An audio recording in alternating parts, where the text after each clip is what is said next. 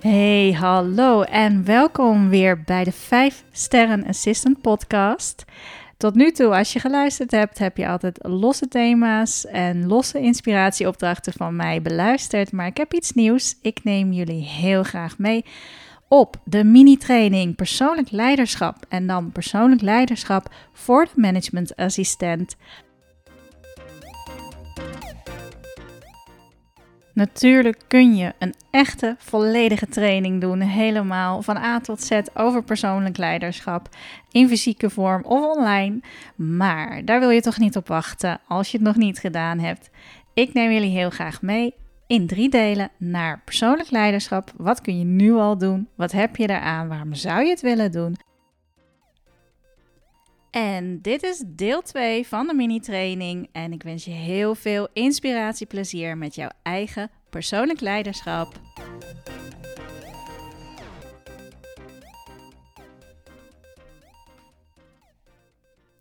En laten we beginnen met deel 2 van de mini-training.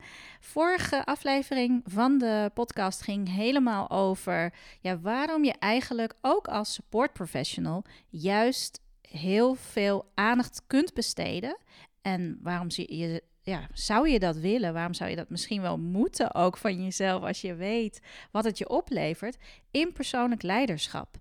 En die voordelen, wat het je allemaal oplevert, dat je, ja, ik denk vooral, eh, het gaat even niet over je vaardigheden als deskundige, als vak inhoudelijk deskundige. En dan heb ik het even over de vaardigheden die heel uh, passend zijn voor een goede secretaresse, assistant of een office manager. Um, uh, communicatieve vaardigheden wel, die komen ook zeker terug. Uh, in persoonlijk leiderschap trainen.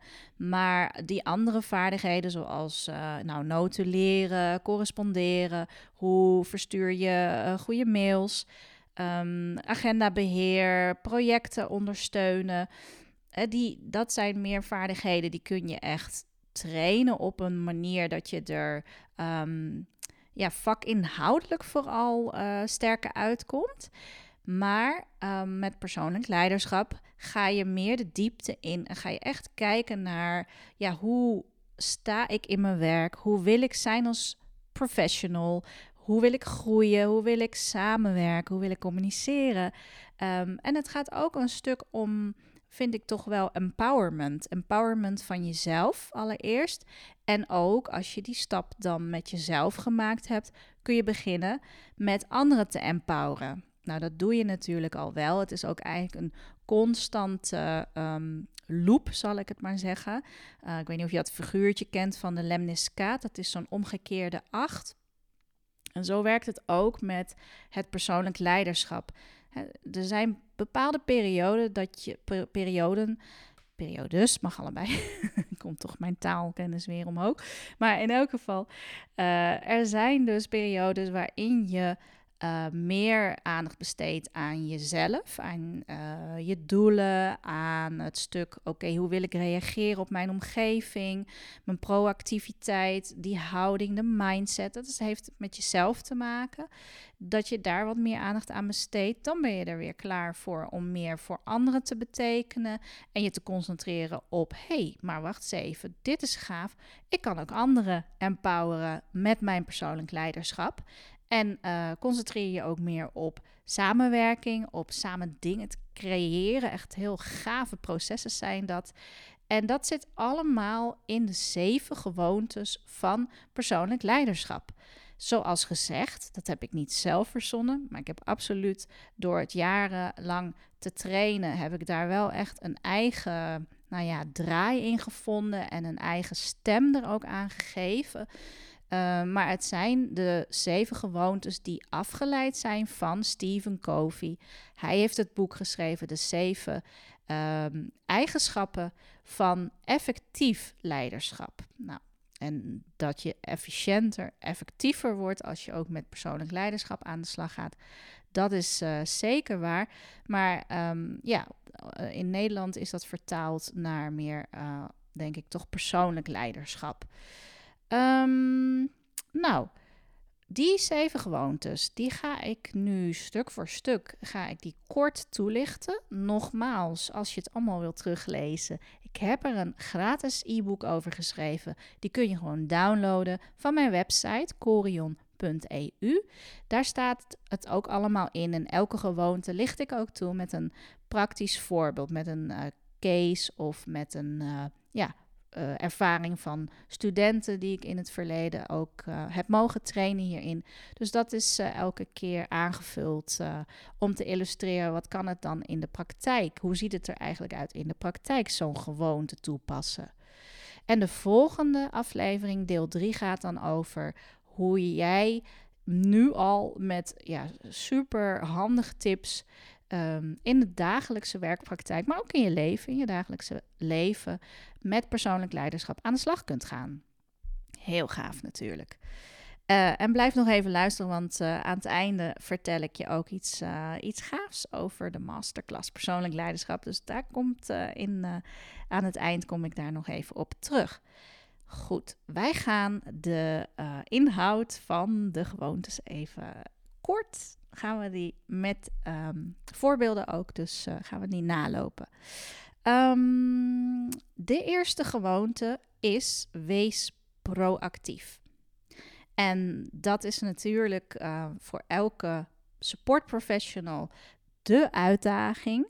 Um, misschien ben je het gewend en vind je ook jouw rol als iemand die achter de schermen heel veel regelt, niet zo op de voorgrond voorgrond hoeft te treden. Hè? Dat, daar heb je misschien ook de persoonlijkheid niet voor, of misschien ook niet ja, de, de, de kwaliteit. Dat je jezelf uh, weet te presenteren op de voorgrond. Dat is ook iets wat denk ik moet groeien. Maar sommige van jullie hebben dat weer wel, hebben ook meer extraverte persoonlijkheid. Maar proactiviteit is een uitdaging wel als je gewend bent om ja, heel erg zorgzaam te zijn in je uh, uitvoering. Je doet graag veel voor andere mensen, maar je hebt wel echt die input en die motivatie nodig van buitenaf. En dat, um, ja, wat ik zie is vaak dat er uh, in de beginjaren van de, de, de, de assistant, neem ik nu eventjes als voorbeeld, um, in het begin ben je inderdaad vaak aan het kijken: oké, uh, hoe doen ze het hier in deze organisatie? Wat verwacht de manager precies van mij? En proactieve houding, ja, die heb je misschien wel, maar op dat moment ben je er nog even niet aan toe om die in te zetten of die verder te ontwikkelen. En dat komt wel, uh, en zeker als je een manager hebt die dat enorm motiveert, die er juist uh, op zit te wachten dat jij meer zelf meedenkt, meer zelf oppakt. Um, hè, even als ik kijk naar uh, mijn eigen partner, die is ook manager en die zegt van zichzelf ook van ja, ik heb echt de stel dat ik uh, de verantwoordelijkheid graag bij de ander laat. Hè? Dat, dat juist een office manager of een assistant zelf oppakt wat er ligt. En ja, als ze ook goede ideeën heeft, dat ze niet eens aan mij vraagt: Vind je dit goed? nee, gewoon doen. Als het bij je functie hoort, gewoon doen. Nou, dat geeft een bepaalde ruimte en vrijheid en verantwoordelijkheid. En um, dat is wel iets dat kun je op gaan pakken op het moment dat je natuurlijk ergens al wat langer uh, bekend bent. Als je weet hoe het daar werkt en je voelt je ook uh, goed in je vertrouwen. Maar proactiviteit is eigenlijk een basishouding. Zie je dingen liggen, pak je het op of reageer je op dingen. Dus wacht je meer af en reageer je op wat er uh, op je afkomt. Dat is vooral het verschil. Hè, dat je uh, in je houding kiest al, oké, ik wil niet uh, reactief zijn. Ik wil niet, nou ja, even een voorbeeld. Hè. Als je emoties hebt, dan kun je ook hier de keuze maken: ga ik er proactief mee om of reactief? Reactief is je laat zonder enige um, um, remming. Laat je de emotie spreken. En dat kan betekenen dat je in een moment van stress een snauw geeft aan je collega. Dat is reactief. Het kan ook betekenen op het moment dat je um, ja, voelt van wow, overwhelm. Ik heb te veel op mijn bordje liggen. Uh, dat je als een gek in die stressmodus schiet om alles af te werken. En ehm, uiteindelijk, ja, met die stress kom je niet tot heel goed werk, denk ik. Ik denk dat je al uh, een ontspannere houding nodig hebt. Uh, tenzij je op stress heel goed doet. Hè. Er zijn mensen die, die hebben die stress ook een beetje nodig. Meer uitdaging nodig in de hoeveelheid werk die er ligt. Dan, dan produceren ze gewoon meer. Maar als het je overwhelm uh, geeft. Hè, dus je bent door overdonderd en je gaat dan gestrest aan het werk. Nou, dan ben je binnen een paar weken ben je helemaal opgebrand. En dat is natuurlijk niet de bedoeling. Dat wil niemand. Ook je organisatie of manager wil niet dat, ondanks dat ze wel heel veel werk aan je geven, die willen natuurlijk niet dat je daarbij uh, bij opbrandt. Nou, iemand die proactief is, die kan op zo'n moment dat hij ziet van hé, hey, er ligt veel te veel, veel sneller schakelen. Oké, ik heb uh, daar en daar geen invloed op. Hè. Het is druk nu, bijvoorbeeld uh, de jaarrekeningen worden opgemaakt. Uh, het is een spannende tijd. Of er komt een reorganisatie aan. Oké, er komt heel veel op jullie af. Nou, daar kun je wel niks aan veranderen, maar je houding wel.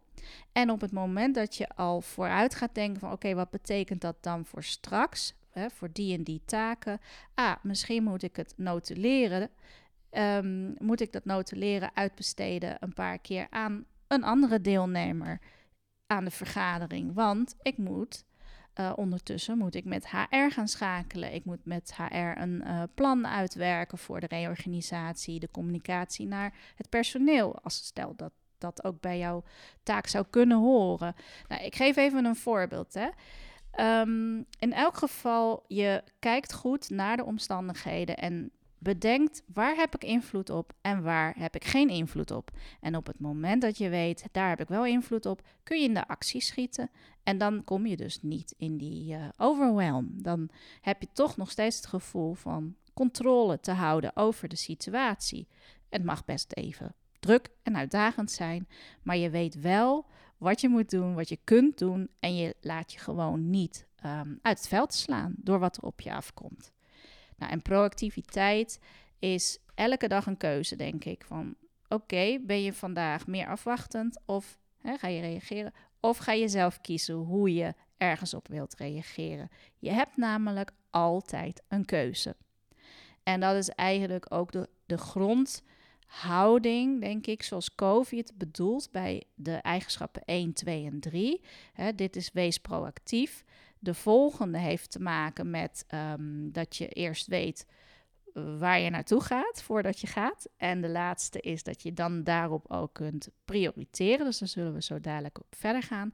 Maar bij die drie eigenschappen hoort dat je weet: ik heb altijd een keuze. Ik ben persoonlijk verantwoordelijk. En ja, je kunt het niet um, aan een ander gaan verwijten als jij uh, vijf dagen in de stress zit.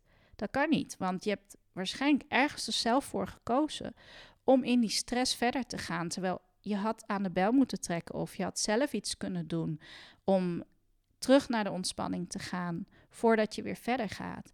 En als je vijf dagen in de stress hebt gewerkt en je bent leeg en je denkt, ja, maar zo vind ik mijn werk niet leuk, ja, wat ga je dan doen? Ga je klagen? Nou, dat is niet persoonlijk verantwoordelijk zijn voor wat er met jou gebeurt. Daar heb je wel degelijk invloed op. Dus van daaruit gaan we ook door naar die volgende twee eigenschappen. Uh, eigenlijk de gewoontes. Hè? Dus uh, noemt uh, eigenschappen. Maar ik heb er gewoontes van gemaakt. Ook in de trainingen die ik in het verleden al veel gegeven heb, noemden we dat ook gewoontes. gewoonte 2, dat is begin met het einde voor ogen. En hier geef ik even een voorbeeld van. Um, ik heb een keer een student gehad. En uh, student uh, bij presentatietechniek. Ik heb heel veel studenten mogen begeleiden, deelnemers aan uh, verschillende soorten trainingen. Maar zij deed het vak presentatietechnieken. En zij was assistant. Nou, bij dat vak moest je uiteindelijk een examen doen en je moest een onderwerp kiezen dat dicht bij je lag, want dan weet je ook sneller hoe, hè, wat je erover wilt vertellen. Als het dicht bij je ligt, dan kun je het makkelijker presenteren. Als je het over iets heel moeilijks moet hebben, ja, dan het ligt ver van je bed. Dan kun je daar ook heel zwaar uh, aan gaan werken, maar dan wordt waarschijnlijk de presentatie toch niet uh, top. nou, in elk geval, zij koos voor een onderwerp om examen in te doen uh, over um, wedding planning. En dat voorbeeld geef ik eventjes, omdat um, zij was bezig, begin met het einde voor ogen, daar gaat het over. Zij was bezig ook heel erg met waar wil ik naartoe? Waar krijg ik nou echt energie van?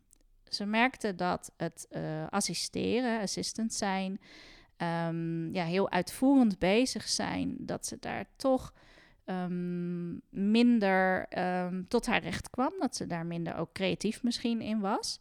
Heel veel doen voor een ander. En ze wilde wel veel voor anderen doen, maar met ook die creativiteit en met een, uh, ja, waar zij de affiniteit mee had, was dus trouwen. Het organiseren, het regelen, uh, ja, echt het event management. Daar wilde zij veel meer in doen. En daar kwam ze op haar uh, in, in de rol die ze toen op dat moment had, kwam ze daar gewoon niet, uh, niet aan toe. Dat zat er niet bij of uh, het was niet nodig. Ik weet het niet meer uit mijn hoofd. Maar in elk geval, zij ging dus de presentatie over wedding planning geven. En ze had een fictief bedrijf opgericht. En nou, iedereen zat te luisteren. En nou, ik heb het ook heel goed beoordeeld volgens mij. Maar um, zij bracht het zo overtuigend. En uh, wij hadden allemaal het idee, dit doe jij al. En dat is precies die gewoonte van begin met het einde voor ogen. Weet exact, of exact hoeft niet, maar weet wel goed waar je naartoe wilt. En als je dat niet weet, uh, zoek het uit. Maak het voor jezelf helder. Uh, want anders sta je inderdaad, loop je in elk geval het risico dat je voor anderen heel veel werk doet waar zij blijer van worden, maar jij niet. En jij wil natuurlijk ook gelukkig zijn. En um, ja, ik noem het woord missie maar even. Dat klinkt misschien heel groot, maar je wilt ook jouw persoonlijke missie in dit leven, hè, op je werk, privé, heb je een persoonlijke missie, doelen. Je weet, je weet welke kant je op wilt ongeveer. En um, het is zo belangrijk om daar uh, actief mee bezig te zijn, om zo eens in de zoveel tijd erbij stil te staan. En deze deelnemer, die had er nu bij stilgestaan, want ze had die opdracht te doen.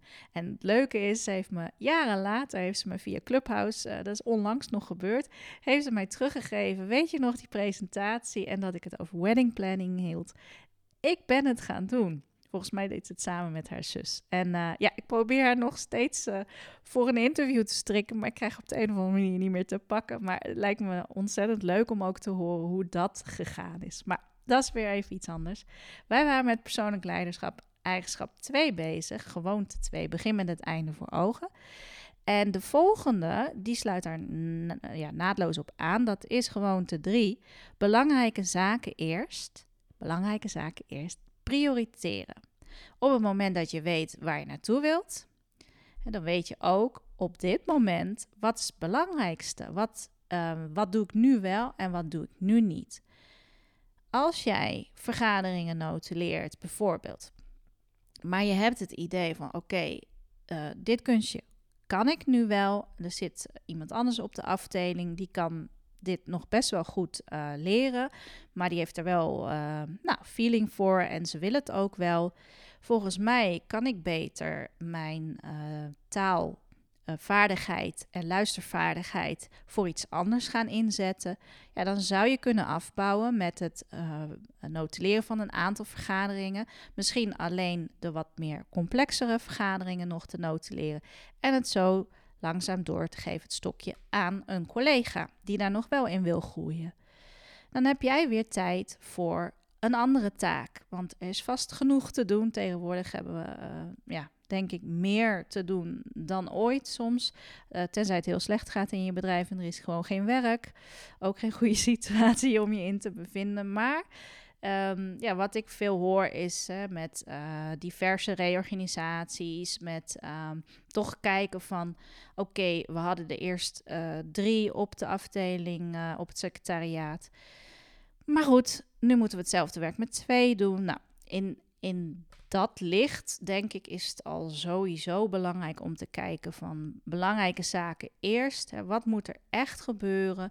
En verlies jezelf vooral niet in die ad hoc dingen op korte termijn moet er natuurlijk heel veel gebeuren. Maar als je daar alleen maar mee bezig bent, brandjes blussen, ad hoc, uh, telefoontjes aannemen, misschien ook telefoontjes die niet voor jou bedoeld zijn. Nou, als je daarmee je dagen vult, ook dan je brand op. Want dat is gewoon niet waar jij happy van wordt. En denk even terug aan die vorige gewoonte. Dat is niet jouw doel. Jouw doel is niet om alleen maar ad hoc dingen op te lossen. Dus soms voor, voor sommigen is dat voldoende hoor. Dus de, als dat wel is waar je happy van wordt, dan inderdaad, nou kom maar op met die drukte. En ad hoc ben ik op mijn beste en regel ik, regel ik, regel ik. En help ik hier en help ik daar. Uh, dat kan jouw behoefte zijn om daar heel goed in te zijn en om in, in een stressomgeving misschien juist het hoofd koel te houden en al die dingen ad hoc gewoon te doen. Dus als dat je doel is, tuurlijk, eh, dan, dan zit je helemaal op je plek als je in zo'n uh, ja, hectische omgeving werkt. Maar voor de meesten die ik ken tenminste, die, die merken op een gegeven moment um, assistants en zeker de, als ze richting senioriteit gaan, ze willen meer doen ook met kennis en de vaardigheden die ze hebben. Uh, sommigen willen het ook graag doorgeven, um, maar weten nog niet hoe. Nou, dat zijn dingen, um, ook uh, jezelf blijven ontwikkelen, een volgende stap maken. Dat is ook heel belangrijk. En daar moet je tijd en energie voor vrijmaken. En ja, wat mij betreft natuurlijk ook budget, maar dat is uh, in overleg vaak met de manager. En in heel veel organisaties is dat super normaal hoor, dat je jezelf blijft ontwikkelen. Maar als je daar geen aandacht en tijd aan besteedt, of je zegt, oh ja, bij ons is er nu minder opleidingsbudget, dus ik kan de komende twee jaar geen opleiding doen, dan denk ik echt, nou, dat is toch wel heel belangrijk. Waarom ga je dan zeggen, oké, er is geen geld, dus ik doe niks? Ik, ik noem dit even als voorbeeld van aan jezelf blijven werken. Of het nou dus die vakinhoudelijke kennis is die je wilt verhogen. Of echt aan je persoonlijkheid en je, je houding als professional werken. En uh, daarin te groeien. Ja, als je dat niet doet, dan mis je de boot. En dan komt er een keer een kans, maar die gaat mooi aan jouw neus voorbij, want jij hebt stilgestaan. Dus daarin uh, denk ik ook weer, die proactiviteit is zo belangrijk. Want pak die ruimte, pak die kans. Ook al krijg je er geen geld voor, ga dan kijken waar ik heb wel invloed op mijn spaargeld. En wie weet over twee jaar is het wel weer, uh, loopt het hier wel weer lekker. En kan ik zelfs een deal sluiten met mijn manager dat ik een, een stuk alsnog vergoed krijg. Nou, er zijn vast mogelijkheden. Er zijn denk ik altijd mogelijkheden. De vraag is, wil je ze aangaan? Dus met deze eigenschap um, komt ook uh, die laatste eigenschap van belangrijke zaken eerst. Komt ook een stuk time management uh, om de hoek kijken. En dat is een heel praktische manier ook weer van belangrijke zaken prioriteren. Nou, daar zijn cursussen genoeg in. Ik geef ze ook, maar daar gaan we nu niet verder op in dat blijft altijd iets, een dingetje, time management. Dus uh, zeker een goed onderwerp voor een andere podcastaflevering of training. Deze eerste drie eigenschappen gaan vooral over hoe jij persoonlijk in je werk staat. Je persoonlijk leiderschap met jezelf ook. Hè? Dus uh, hoe, hoe leid jij jezelf door alles heen? Dus uh, waar wil je naartoe? Wat komt dan eerst? Hoe goed en effectief ga je om inderdaad met je tijd en je beschikbare energie? En vooral die proactiviteit. Hè? Ben je inderdaad in staat om vooruit te denken, mee te denken? Ja, ben jij iemand die het co-managen waardig is? Dat is eigenlijk zo'n mooie manier om, om te kijken naar proactieve mensen zijn goede sparringpartners ook wel. Als ze ook nog eens goed kunnen luisteren, overigens. Want dat is dan een vaardigheid die komt straks. Um, of een gewoonte, moet ik zeggen. Maar um, ja, ben jij iemand die inderdaad uh, meedenkt met de organisatie, in het belang kan denken van de organisatie en daarop uh, op anticipeert, voorstellen doet? Ja, super waardevol als je zo iemand bent voor jouw manager al en ook voor je organisatie en collega's. Nou, en dan gaan we meer richting gewoontes 4, 5 en 6. Want dan zit je op het vlak jij en de ander. De wederzijdse afhankelijkheid eigenlijk die je hebt in de samenwerking, in de communicatie. Ehm, daar gaan deze gewoontes over. En gewoonte 4 daarbij. Gewoonte 4 is win-win. En oké, win-win. die ken je wel, die term. Maar wat uh, vanuit de COVID-gedachte vooral, wordt daar nou echt mee bedoeld? En die vind ik zo mooi, hè? Denk in overvloed. Er is genoeg voor iedereen. Dus bij elke uitdaging, onderhandeling of dilemma uh, kun je een situatie creëren waarbij je, je win-win denken eigenlijk inzet, zodat iedereen er beter van wordt. En uh, ja, win-win, je kent de term vast wel van, oké, je kijkt naar een situatie, je hebt een eigen belang, de ander heeft een belang. Hoe kun je ervoor zorgen dat en de ander happy is en jij ook? als jouw manager wil dat jij een bepaalde taak voorrang geeft en jij moet iets uh, laten vallen op dat moment of uitstellen meer. Um, ook dan kun je kijken van prima, hè, als jij wil dat ik dit nu doe, maar dan wil ik wel die andere taak uh, thuis afmaken.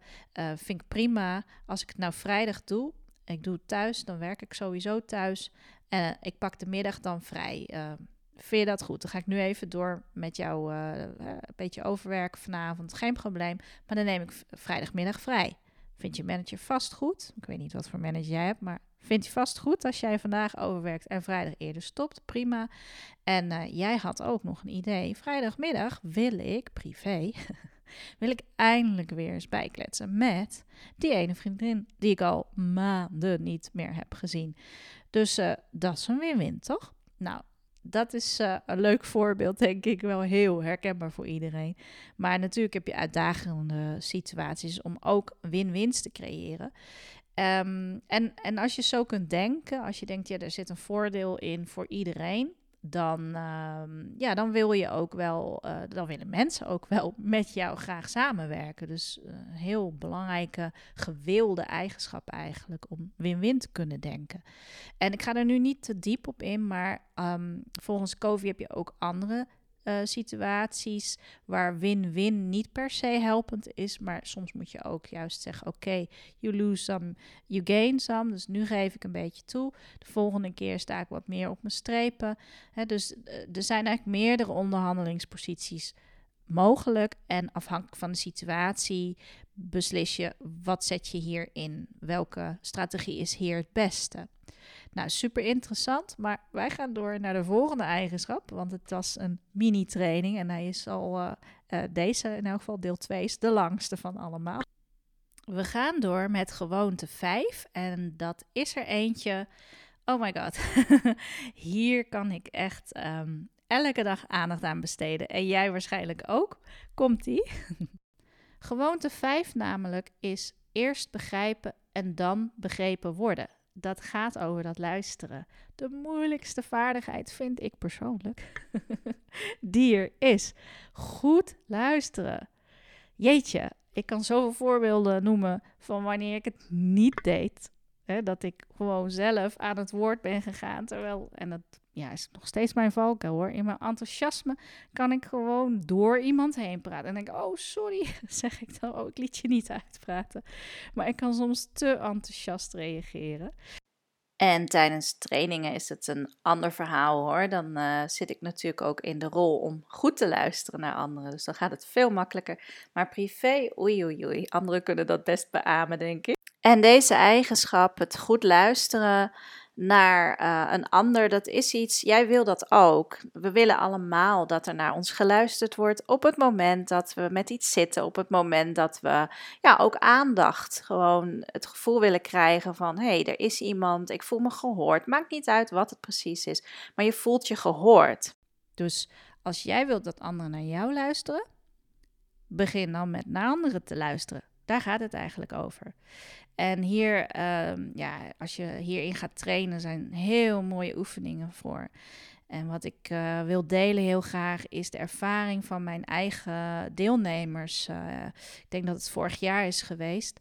Toen deden we die oefeningen, luisteroefeningen. Maar echt op een manier zoals we dat nooit eerder hadden gedaan. De ander inderdaad laten vertellen, niet reageren. Je mag best luistergeluidjes uh, maken, maar ja, je moet, als je reageert, moet het over wat die ander zegt gaat. Dus dat samen te vatten. En uh, misschien een vraag te stellen, maar niet je mening, niet je waardeoordeel geven. Dat komt misschien op het einde als die ander helemaal ja, haar zegje, zijn zegje heeft gedaan en voelt, wauw, er is iemand die echt naar mij heeft geluisterd.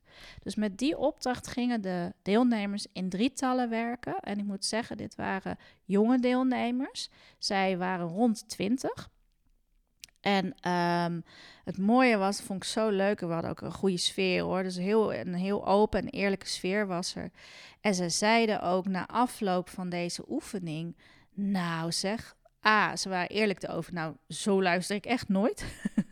ik kan helemaal niet dit opbrengen in een normaal gesprek. Zoveel geduld en echte aandacht.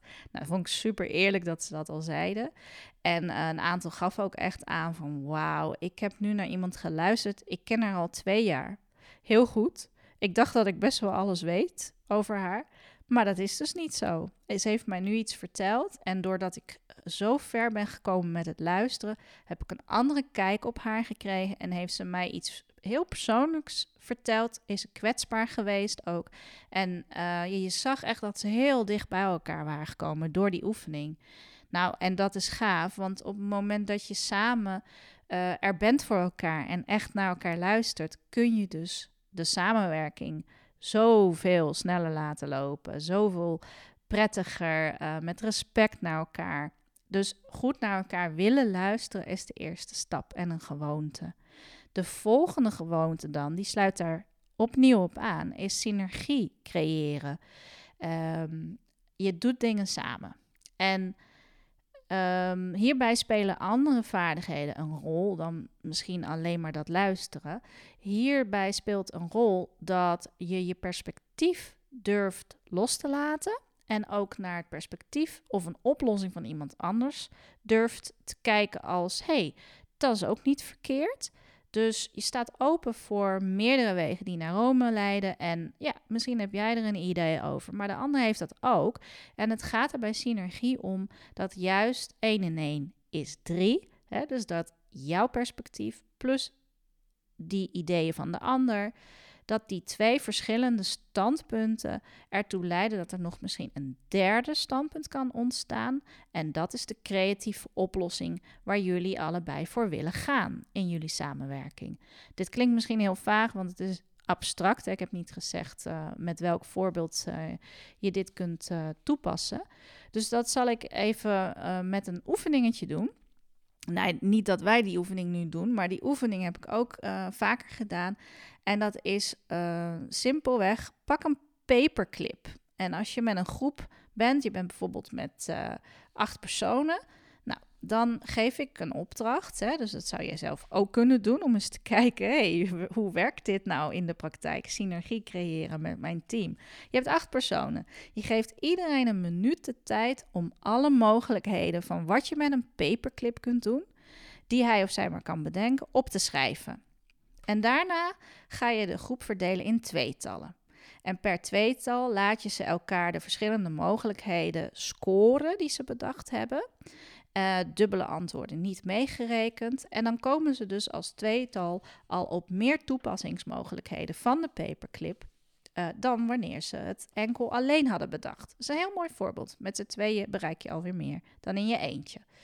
En doe je dat zo door, dus je gaat van de tweetallen, um, die ga je op uitbreiden en je hebt op een gegeven moment twee groepen met een viertal en nog een viertal. Dan komen er nog meer mogelijkheden bij. Nou, ga zo maar door. Dus uh, hoe meer perspectieven, hoe meer gezichtspunten op mogelijkheden voor een bepaald probleem of een innovatie. En ja, dat kan ook zijn iets wat je in een teamvergadering doet. Dat je zegt van oké, we gaan deze oefening nu doen. Niet op een paperclip, maar om erin te komen misschien wel, want dan wordt het principe duidelijk. Maar um, ja, om een, een bepaalde, nou neem uh, overbelasting. Overbelasting op een uh, dag in de week. Als je merkt van, ja, dan zijn, uh, ik heb dat gezien bij een advocatenkantoor. Als er veel advocaten tegelijk in huis zijn en van het secretariaat is niet iedereen op dezelfde dag aanwezig. Dan geldt vaak voor die ene dag in de week dat de, de, de zittende mensen, hè, dus de secretaris die er wel zijn, ja, dat die eigenlijk overvraagd worden. Nou, dan kun je in een teamvergadering kun je gaan kijken wat kunnen we nou op die dag doen om die overbelasting tegen te gaan, om die te voorkomen. Nou, en daar zou zo'n soort oefening zou natuurlijk uh, goed bij helpen. En natuurlijk luister je naar elkaar en mag alles. Hè, dat is wel belangrijk. Maar je komt sowieso met meerdere mensen op meerdere oplossingen. En na deze zes eigenschappen en gewoontes te hebben toegelicht, blijft er nog maar eentje over. En dat is de laatste, en dat is een continu proces. Dat noemt Kofi houdt de zaag scherp in het Nederlands vertaald in elk geval. Um, hierbij besteed je voldoende aandacht aan de balans die je hebt op je werk, maar daar moet je ook privé aandacht aan blijven besteden. Dus uh, de vier gebieden die die je genoeg aandacht moet blijven besteden, waar je voeding nodig hebt om goed te kunnen blijven functioneren. Dat zijn het lichamelijke uh, stuk, dus fysiek, dat je uh, ja, goed jezelf traint, goede voeding tot je neemt, uh, genoeg lichaamsbeweging krijgt. Um, geestelijk, mentaal. Dat is het uh, stuk waar je ook jezelf ja, blijft uitdagen, denk ik. Blijft groeien ook. Geestelijk, mentaal betekent ook dat je je blijft voeden met bepaalde inspiratie. qua literatuur, qua filmpjes kijken. Dingen die jou in elk geval in een goede geestelijke toestand brengen. En dan is er nog het stuk sociaal-emotioneel. Je behoefte aan contact met anderen, uh, maar ook een ontlaatmomentje voor je emoties. Hè? Dus dat kan een gesprekje zijn met iemand op een dag. Um, het kan ook een uh, gezelligheidsactiviteit zijn, teambuilding bijvoorbeeld, dat is dit gebied. Uh, of voor jezelf hou je een dagboek bij. En het laatste is het spirituele gebied. Um, dat is jouw groei, dat is de ziel goed verzorgen. Uh, maak daar ruimte voor. Dat kan yoga zijn, waarmee jij jezelf weer uh, in balans houdt. Maar dat kan ook iets heel anders zijn. Genoeg uh, zijn er, genoeg cursussen zijn er op dit gebied. je kunt jezelf blijven voeden met, um, met die dingen die ik helemaal niet zweverig vind. Spiritualiteit staat voor mij echt iedereen heeft dat gebied. Dus, sommige mensen zeggen, ja, daar ben ik niet van. Dan denk ik, oh, grappig. Ja, vind ik wel interessant. Dan denk ik, ja, ben je niet van. Je, we hebben allemaal die stukken in ons. Dus alleen je besteedt gewoon geen aandacht aan. Heeft niks te maken met dat het zweverig zou zijn. Uh, mediteren vind ik niks zweverigs aan. Hè, op het moment dat je je geest vrijmaakt van allerlei zorgen en gedachten. En rustig wordt. Ja, dan kom je toch gewoon lekker met je voetjes op de vloer. Als je dat in je hoofd blijft zitten. Dat vind ik zweverig. Dus dat, uh, nou ja, dat is een leuke uh, metafoor altijd, vind ik wel. Um, sta stil bij hoe het met je is. Sta genoeg stil bij waar je naartoe wilt. Uh, waar je, ben je nog op de goede weg? Dat is gewoon belangrijk. Wat, wat voel je? Wat gebeurt er met je? En um, dan hebben we ze alle zeven gehad. Ik denk voor een training dit is eh, natuurlijk heel veel uitleg geweest. Um, voor een training in persoonlijk leiderschap wil je natuurlijk ook echt die tools krijgen, de oefeningen waarmee je deze gewoontes uh, in de praktijk brengt. En ja, je moet ze gewoon blijven oefenen. En zeker die laatste, houdt de zaag scherp, is een continu proces. Dus ik sluit er heel graag mee af, want dat kun je gewoon al doen als je weet nu, ah, oeh, fysiek, ja, ik ben de laatste tijd uh, uh, door de stress ben ik eigenlijk vergeten om genoeg lichaamsbeweging in te plannen in de week. Dat is in mijn geval is dat zo. De verhuizing komt eraan. Ik sta liever dozen in te pakken dan uh, eventjes naar buiten een stukje te gaan hardlopen. Ja, is misschien niet de goede keuze. En dozen inpakken is ook fysiek, denk ik dan. Maar dat is niet uh, wat ik echt nodig heb. Mijn lijf heeft iets meer nodig momenteel. Dus zo kun je voor jezelf ook kijken. Sociaal-emotioneel, hoe zit het daarbij? Spiritueel, hoe zit het daarbij? Maak je er eigenlijk tijd voor? Eén keer in de week in je agenda. Om daar ook bij stil te staan. Te evalueren misschien op hoe je uh, die week hebt gevoeld. En uh, welke groei jij voor jezelf ziet die week. Um, ja, daar kun je nu uh, sowieso mee aan de slag natuurlijk. Uh, zeker als je weet dat het niet helemaal in balans is, zou ik niet langer of niet te lang meer wachten om er uh, een start mee te maken.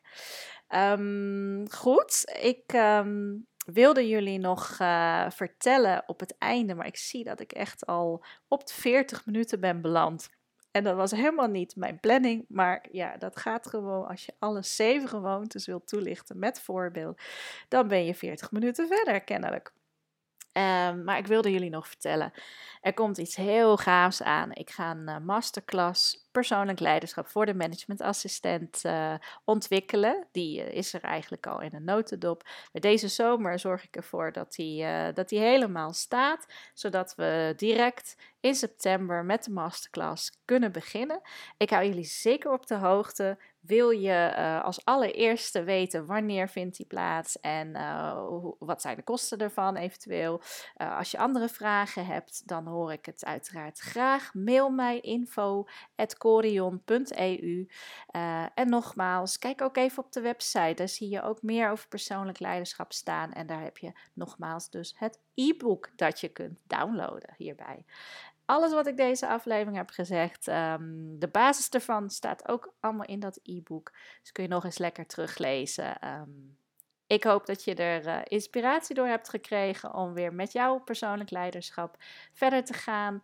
En um, ja, als je het een mooi onderwerp vindt of als je ook zelf andere visies erop hebt, ik hoor het heel graag. Misschien kan ik ze nog meenemen in de volgende aflevering.